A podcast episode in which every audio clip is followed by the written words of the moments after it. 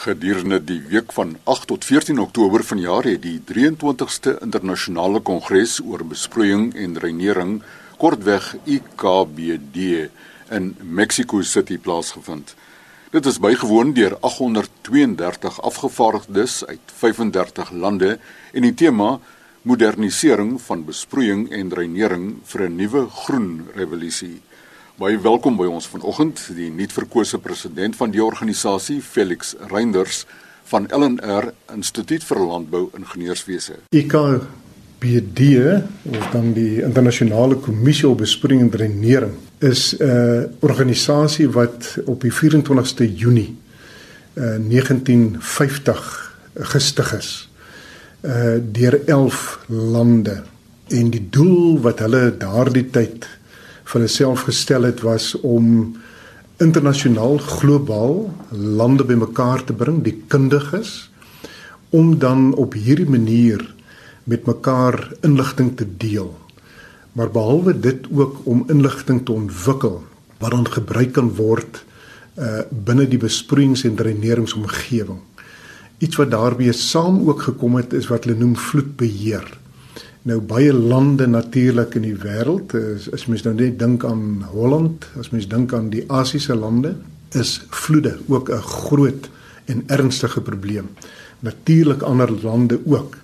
So hulle doel daardie tyd was om hierdie lande byeen te bring om dan uh vir mekaar eintlik te help. En uh as mens nou bietjie gaan kyk na wie hulle is, dan is hulle 'n leidinggewende wetenskaplike tegniese internasionale nuwensgewende nie-regeringsorganisasie. En eh, dit is dan nou 'n uh, netwerk van professionele kundiges en hulle hanteer dan al hierdie sake. Nou eh, van sy klein begin van 11 lande het hulle gegroei tot die huidige 76 lande wat natuurlik nou eh, reg oor Afrika, die Amerikas, Asië, Oseanië al hierdie lande insluit en eh, dit verteenwoordig dan in die orde van 95% van die besproeide area in die wêreld. En uh die hoofkantoor is in Indië. Eh, daar is 'n sogenaamde sekretaris-generaal en hy het 'n personeel dan van so 17 mense. So dis natuurlik ook een van my uh verpligtinge of verantwoordelikhede. Dis 'n kantoor wat basies bestuur moet word. Nou dit bied natuurlik uitdagings ek hier in Suid-Afrika en dan natuurlik nou uh, die kantoor in Indië. Maar tegnologie deesdae maak dit ongelooflik uh, bereikbaar uh om dan met hulle deur middel van uh wat ons maar noem video konferensie uh, te hou. So ek sit hier in my kantoor met 'n uh, kamera en 'n uh, mikrofoon en hulle aan die ander kant sit dan uh, in hulle konferensiekamer en ons hou dan gesprekke om te kyk wat gedoen moet word, waar te beweeg ons, wat is die inisiatiewe wat geïmplementeer moet word uh deur die kommissie uh om dan ander lande te help om inligting te deel op hierdie manier. Hoe baat Suid-Afrika in terme van deelname by hierdie kommissie? Dit is baie interessant as mens nou dink dat die kommissie in 1950 al reeds beslag gekry het.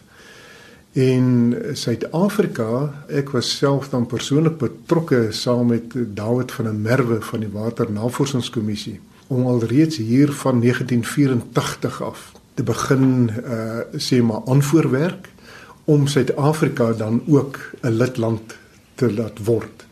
Hierdie internasionale komitee wat dan ook nie politiek as deel van hulle sê maar dag tot dag verrigtinge beoefen nie. Uh was dit nogtans moeilik uh, om sê maar aanvaar te word as 'n lidland met ons uh situasie in Suid-Afrika op daardie tydstip. En ons het toe nou gereël hier in 1992 groot internasionale konferensie onder in Durban gehou en ons het selektiewe individue van oor die wêreld uitgenooi en ons het eh, gedemonstreer wat Suid-Afrika kan bied vir die internasionale komitee uh in terme van tegnologie, in terme van kundigheid, in terme van net hoe ons besproeiing in Suid-Afrika beoefen. Dit was net iets ongeloofliks. 320 mense bymekaar uh, en hulle was skoon verras om te sien wat hierdie klein landjie met sy 1.6 miljoen hektaar wat hy besproei dat hy soveel kennis en soveel kundigheid het. So dit dan verloop dat ons in uh, September van daardie jaar ons aansoek ingedien het uh, in uh, Budapest in Hongarye en daar het die aansoek toe gedien en uh, toe nou aangekondig uh, hulle sal ons graag deel wil hê van hierdie internasionale kommissie.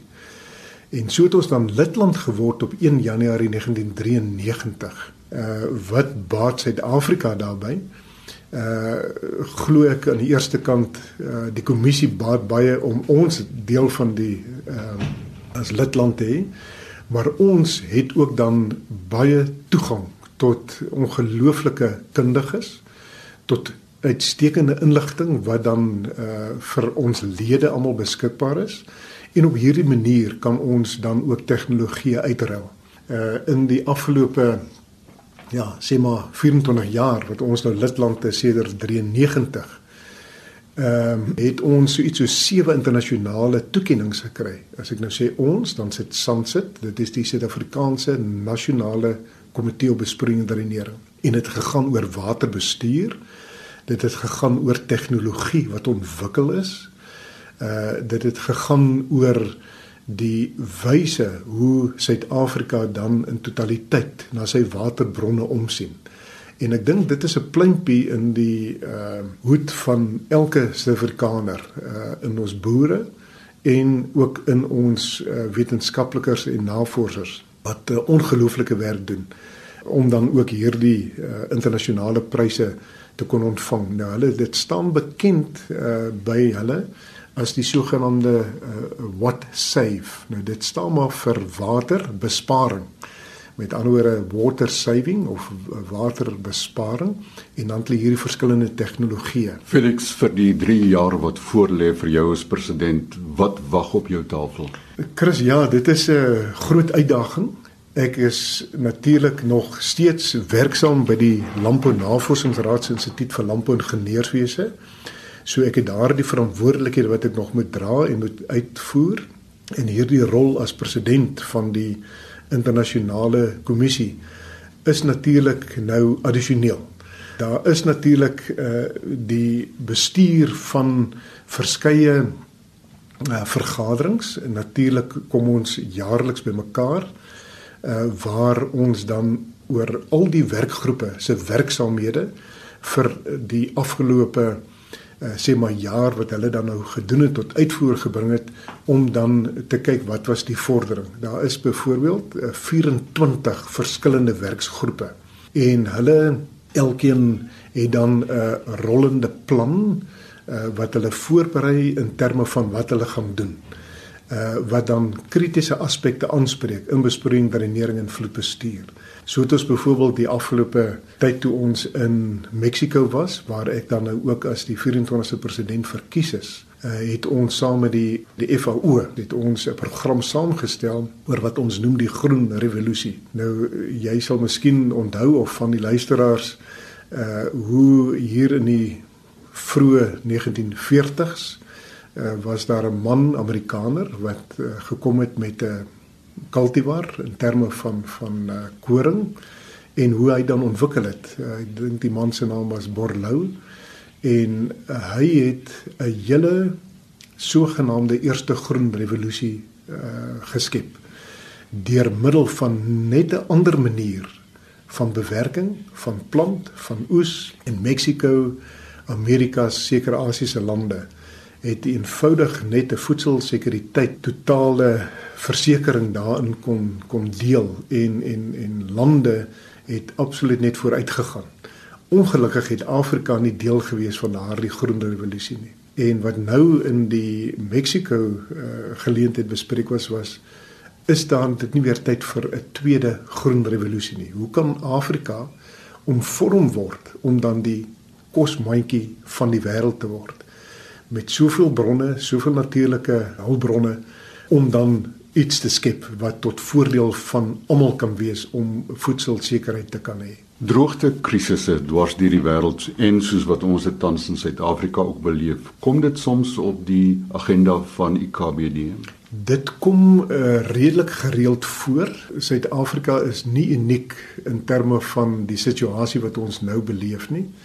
Ons weet klimaatsverandering is 'n uh, globale verskynsel en ongelooflik baie werk word daarop gedoen in terme van wat is die verskywing van reënvalpatrone? Wat is die verskywing van temperature in die voorspellingsmodelle wat selfs ook die Landbou Navorsingsraad tot uitvoer bring? Uh, wys dit dat uh, nou jou waarskynlik nou nog nie in ons leeftyd wat ons dit gaan ervaar nie.